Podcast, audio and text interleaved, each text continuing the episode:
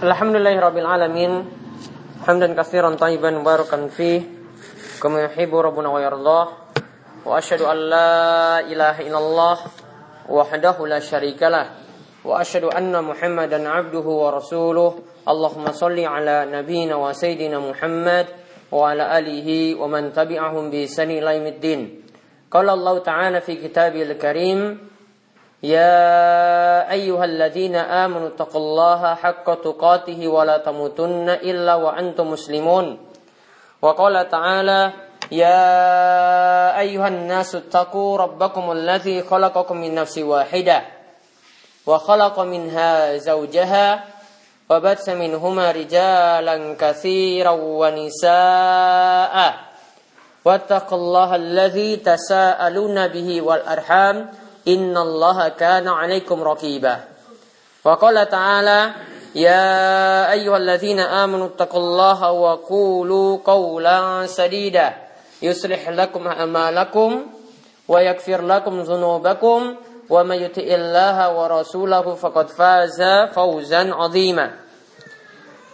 فإن أصدق الحديث كتاب الله وخير الهدى sallallahu alaihi wasallam wa syarral umuri muhdasatuha wa kulla muhdasatin bid'ah wa kulla bid'atin dolalah wa kulla dolalatin finnar.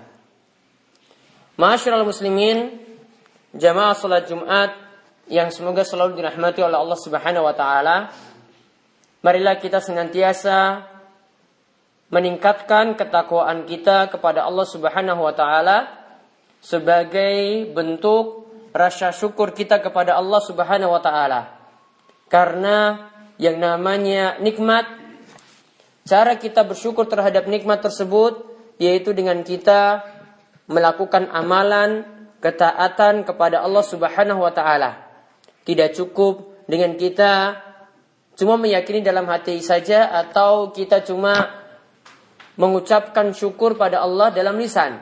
Namun hendaklah syukur yang kita wujudkan atas nikmat yang Allah telah anugerahkan kepada kita yaitu kita wujudkan dengan melakukan ketaatan dan ibadah kepada Allah Subhanahu wa taala. Sebagaimana kata seorang ulama yaitu Abu Hazim beliau itu mengatakan kullu ni'matin la tuqarribu ilallahi azza wa jalla. Setiap nikmat yang tidak mendekatkan diri kita kepada Allah maka itu bukanlah nikmat namun sebaliknya malah menjadi suatu musibah. Kemudian salawat dan salam semoga tercurahkan kepada suri teladan kita, kepada junjungan kita, kepada penghulu para nabi yaitu nabi besar kita Muhammad sallallahu alaihi wasallam, begitu juga kepada para sahabat yang mulia, kepada istri-istri Nabi SAW yang tercinta, kepada 10 orang yang dikabarkan masuk surga dari para sahabat Nabi Shallallahu Alaihi Wasallam juga kepada para tabi'in, kepada para tabi'ut tabi'in, begitu juga para ulama yang telah memberikan kita cahaya Islam, menerangkan di tengah-tengah kita cahaya Islam sehingga hingga saat ini kita pun masih bisa merasakan nikmatnya berada di dalam agama yang benar. Masyaallah muslimin rahimani wa rahimakumullah. Di antara nama Allah Subhanahu wa taala yaitu Al-Mujib. Kalau kita artikan Al-Mujib itu artinya adalah yang maha mengabulkan setiap doa. Nama Allah adalah Al-Mujib. Di antara makna Al-Mujib yaitu Allah maha mengabulkan setiap doa. Sebagaimana disebutkan dalam surat Ghafir atau surat Al-Mu'min ayat ke-60 Allah Subhanahu wa taala berfirman, "Wa qala rabbukum ud'uni astajib lakum." Dan Rob kalian itu berkata, "Berdoalah kepadaku," yaitu berdoalah kepada Allah, maka aku yaitu Allah akan mengabulkan setiap doa atau permintaan yang manusia itu minta ketika itu. Maka di antara nama Allah dari ayat ini kita bisa simpulkan nama Allah itu adalah Al-Mujib. Yaitu Allah mengabulkan setiap doa. Dan pengabulan doa para ulama itu katakan pengabulan doa itu ada dua bentuk. Yaitu ada yang sifatnya umum, yaitu yang dimaksudkan di sini adalah setiap doa yang dipanjatkan oleh manusia, doa apa pun maka Allah Subhanahu wa taala akan mengabulkan doa tersebut. Setiap doa secara umum Allah Subhanahu wa taala akan mengabulkan doa tersebut. Allah mengabulkan dengan dengan pengabulan yang sifatnya itu umum. Maksudnya di sini setiap orang yang meminta ada yang baik, ada yang soleh, ada yang rajin sholat. Begitu pula sebaliknya, ada yang gemar maksiat, ada yang gemar berbuat dosa, bahkan sampai berbuat kesyirikan, tetap Allah Subhanahu wa taala akan mengabulkan doa-doa tadi. Jadi secara umum doa itu dikabulkan tanpa memandang siapa yang berdoa. Namun di sini para ulama jelaskan pengabulan doa di sini tidak menunjukkan bahwasanya orang yang dikabulkan doanya tadi itu adalah orang yang baik. Ya, pengabulan doa di sini tidaklah menunjukkan orang yang dikabulkan doanya tadi itu adalah orang yang baik. Bisa jadi adalah ahli maksiat, Allah uji atau Allah beri jebakan dengan mengabulkan doa yang dia minta. Atau ada yang minta-minta di kuburan, minta kepada orang yang sudah mati, minta kepada orang soleh yang sudah tiada. Allah juga mungkin mengabulkan doanya, namun sebagai bentuk istidrat, yaitu jebakan pada dirinya ketika dia itu bermaksiat. Kemudian ada doa yang pengabulannya adalah khusus, yaitu ada sebab-sebab tertentu yang doanya itu bisa dikabulkan. Misalnya, doa orang yang meminta dalam keadaan kepepet atau dalam keadaan darurat benar-benar butuh. Allah Subhanahu wa taala katakan, "Amma yujibul muttarra idza da'ahu." Yaitu siapa lagi yang bisa mengabulkan doa ketika ada orang yang kepepet tadi atau ada orang yang benar-benar butuh atau benar-benar dalam keadaan kondisi darurat ketika dia meminta. Tentu Allah yang mengabulkannya. Maka ada sebab yang khusus, ada orang yang betul-betul meminta, sudah dalam keadaan tidak ada lagi jalan keluar, maka ketika puncak kesulitan tadi, Allah Subhanahu wa taala mengabulkan doanya tersebut. Maka kita lihat sebagian doa-doa kita itu karena kondisi benar-benar kita butuh Allah Subhanahu wa taala langsung kabulkan ketika itu. Beberapa kali kita minta, terus kita minta, suatu saat kita minta karena dalam keadaan butuh. Ini benar-benar darurat, ya. Permintaan ini kita sangat butuh sekali untuk dikabulkan. Maka ketika itu Allah Subhanahu wa taala mengabulkannya.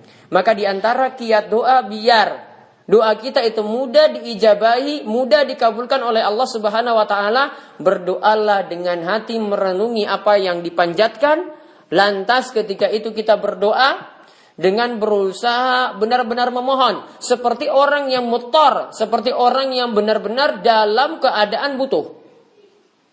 Contoh yang lainnya lagi karena sebab yang khusus misalnya orang yang melakukan perjalanan jauh. Melakukan safar atau perjalanan jauh. Karena sebab dia melakukan perjalanan jauh, maka doanya juga bisa dikabulkan ketika itu. Pernah Nabi SAW menceritakan seseorang ya yang dia yutilus safar menempuh perjalanan jauh lantas dia menengadahkan tangannya kepada Allah Subhanahu wa taala dengan melakukan adab-adab dalam berdoa. Asalnya doanya ketika itu juga mudah dikabulkan oleh Allah Subhanahu wa taala. Begitu pula jika kita bertawasul dengan menyebut nama, sifat dan nikmat yang Allah Subhanahu wa taala berikan, ini juga akan menjadi sebab terkabulnya doa-doa kita. Begitu juga doa dari orang yang sakit. Saat dia sakit, dia memperbanyak doa pada Allah, maka Allah juga akan lebih mudah mengabulkan doanya. Karena ketika itu dia benar-benar dalam keadaan butuh, benar-benar sangat mengharapkan pertolongan dari Allah subhanahu wa ta'ala supaya bisa disembuhkan. Maka kalau kita tahu bahwasanya Allah mengabulkan doa orang yang sakit, maka tidak perlu kita sampai menggantungkan hati kita kepada selain Allah. Tidak perlu sampai kita meminta tolong kepada dukun-dukun atau kita tidak perlu meminta tolong kepada sebagian kiai yang memberikan jimat-jimat yang ini tidak ada mujarabnya sama sekali. Kita cuma bergantung kepada Allah Subhanahu wa taala karena Allah yang Maha mengabulkan doa. Begitu juga doa orang yang berpuasa.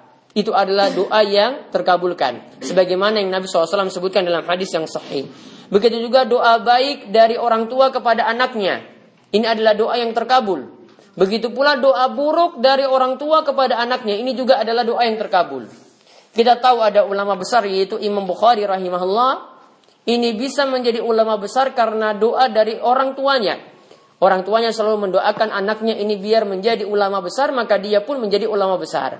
Sebaliknya ada doa jelek dari orang tua itu juga mudah dikabulkan yaitu seperti kisahnya uh, Juraij ketika dia didoakan jelek oleh ibunya karena ketika itu si Juraij yaitu sebagai anak tidak mau memenuhi panggilan ibunya. Ketika ibu memanggil terus mana Juraij mana Juraij dan ketika itu dia tidak mau menjawab panggilannya sampai tiga kali. Maka dia didoakan jelek oleh orang tuanya oleh ibunya. Lantas doanya itu terkabul. Maka kita sebagai anak perlu khawatir atau sangat takut jika mendurhakai orang tua, tidak mau ya memenuhi panggilan orang tua karena bisa jadi kita mendapatkan doa jelek dari orang tua kita.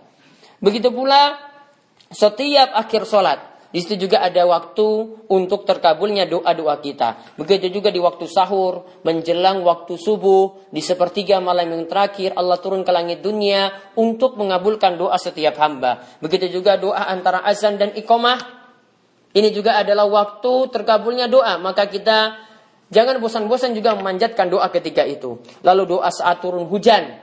Ini juga adalah waktu terkabulnya doa. Karena disebutkan dalam hadis yang sahih di antara doa yang tidak mungkin tertolak adalah doa saat hujan itu turun.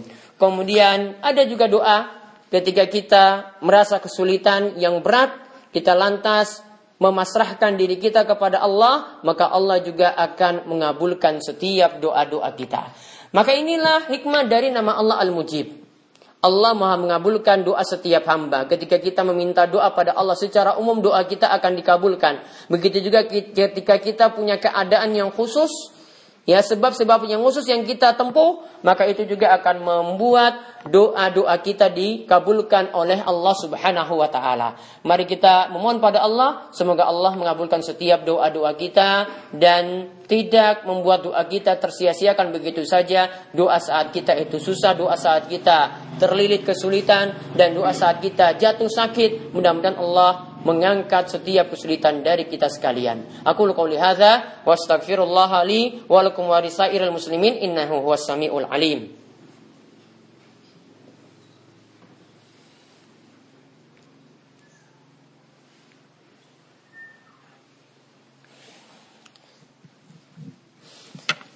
Alhamdulillahi Rabbil Alamin. Hamdan kasiran tayyiban mubarakan fi Kama yuhibbu Rabbuna wa yardah Wa ashadu an la ilaha illallah Wahdahu la syarikalah Wa ashadu anna muhammadan abduhu wa rasuluh. Allahumma salli ala nabina wa sayyidina Muhammad Wa ala alihi wa man tabi'ahum bi isadin ila yumiddin Para jamaah salat Jumat yang semoga selalu dirahmati dan diberkahi oleh Allah Subhanahu wa taala. Di antara nama Allah tadi yang telah kita sebutkan Allah punya nama Al-Mujib. Kalau kita tahu Allah itu mengabulkan setiap doa, maka kita bisa mengambil pelajaran kita sebagai manusia. Jangan pernah putus asa untuk berdoa. Kemudian jangan kita sampai lalai hati kita untuk manjatkan doa kepada Allah Subhanahu wa taala dalam keadaan kita harus yakin setiap doa kita itu dikabulkan. Dan perlu dipahami bahwasanya terkabulnya doa itu bisa jadi dalam tiga bentuk. Ada doa yang diminta langsung dikabulkan. Ada doa yang diminta langsung dikabulkan. Walaupun mungkin ada yang ditunda beberapa waktu. Kemudian ada doa yang kedua, kita minta sesuatu namun Allah Subhanahu wa taala ganti dengan yang lain yang membuat kita selamat dari keburukan. Mungkin kita meminta ini Allah yakin ini tidak pas untuk kita Allah ganti dengan yang lebih baik. Kemudian ada yang ketiga, doa itu dikabulkan namun sebagai simpanan kita di akhirat. Jadi tetap tiga hal tadi nanti akan diwujudkan oleh Allah. Entah doa itu tadi dikabulkan langsung. Entah doa tadi itu diganti dengan yang lainnya yang lebih baik. Yang membuat kita selamat dari kejelekan. Kemudian yang ketiga bisa jadi juga Allah subhanahu wa ta'ala mengabulkan doa kita dengan menjadikan doa ini sebagai simpanan di akhirat nanti. Dan Allah subhanahu wa ta'ala itu katakan wal akhiratu khairul laka minal ula. Dan yang namanya kehidupan akhirat itu lebih baik daripada kehidupan di dunia. Tentu saja balasan di akhirat itu masih lebih baik daripada balasan yang kita peroleh di dunia. Maka kita jangan putus asa untuk berdoa kepada Allah Subhanahu wa taala karena para sahabat ketika mendengar Nabi SAW menyatakan seperti tadi ada tiga wujud terkabulnya doa maka para sahabat itu menyatakan wahai Rasulullah kalau begitu kami akan terus memperbanyak doa maka tugas kita adalah terus memperbanyak doa kepada Allah Subhanahu wa taala dengan tentu saja kita menjaga ibadah-ibadah kita, menjaga ibadah yang wajib, menjaga amalan-amalan yang wajib, menjaga sholat yang wajib. Jangan sampai kita melupakannya, bukan pada waktu tertentu saja kita berdoa, namun sepanjang waktu kita berdoa dan senantiasa beribadah kepada Allah. Nabi SAW mengatakan, Ta'arraf ilallah firraha ya'rifka fi syiddah. Beribadahlah kepada Allah ketika keadaan lapang, maka ketika kita susah Allah Subhanahu wa taala akan senantiasa memberikan pertolongan kepada kita sekalian. Di akhir khutbah ini kami menyarankan kepada para jamaah untuk hari Jumat, marilah kita memperbanyak solawat kepada Nabi kita Muhammad Sallallahu Alaihi Wasallam.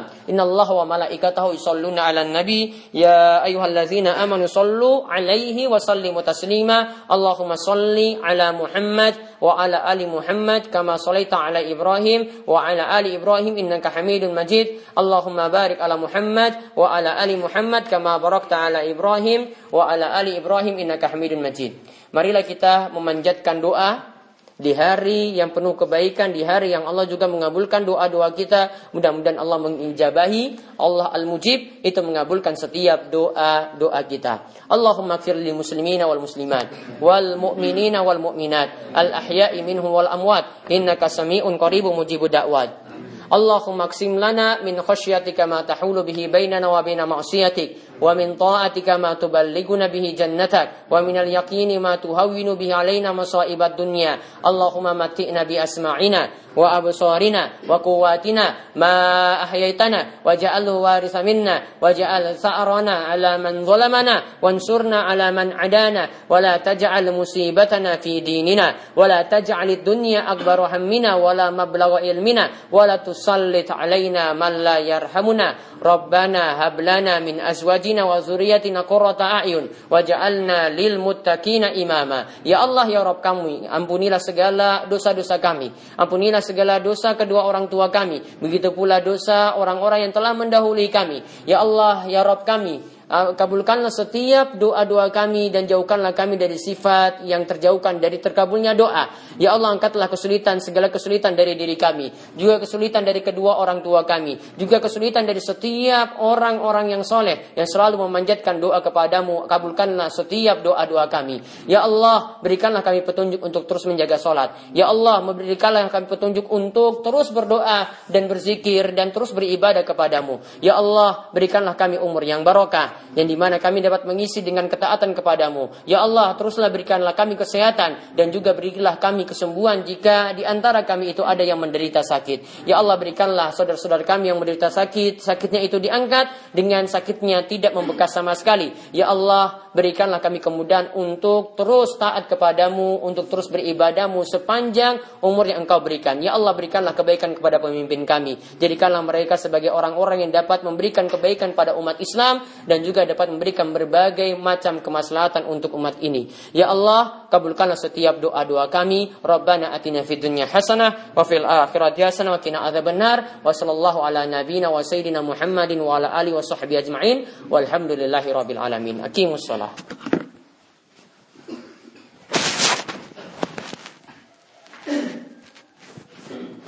Allahu akbar.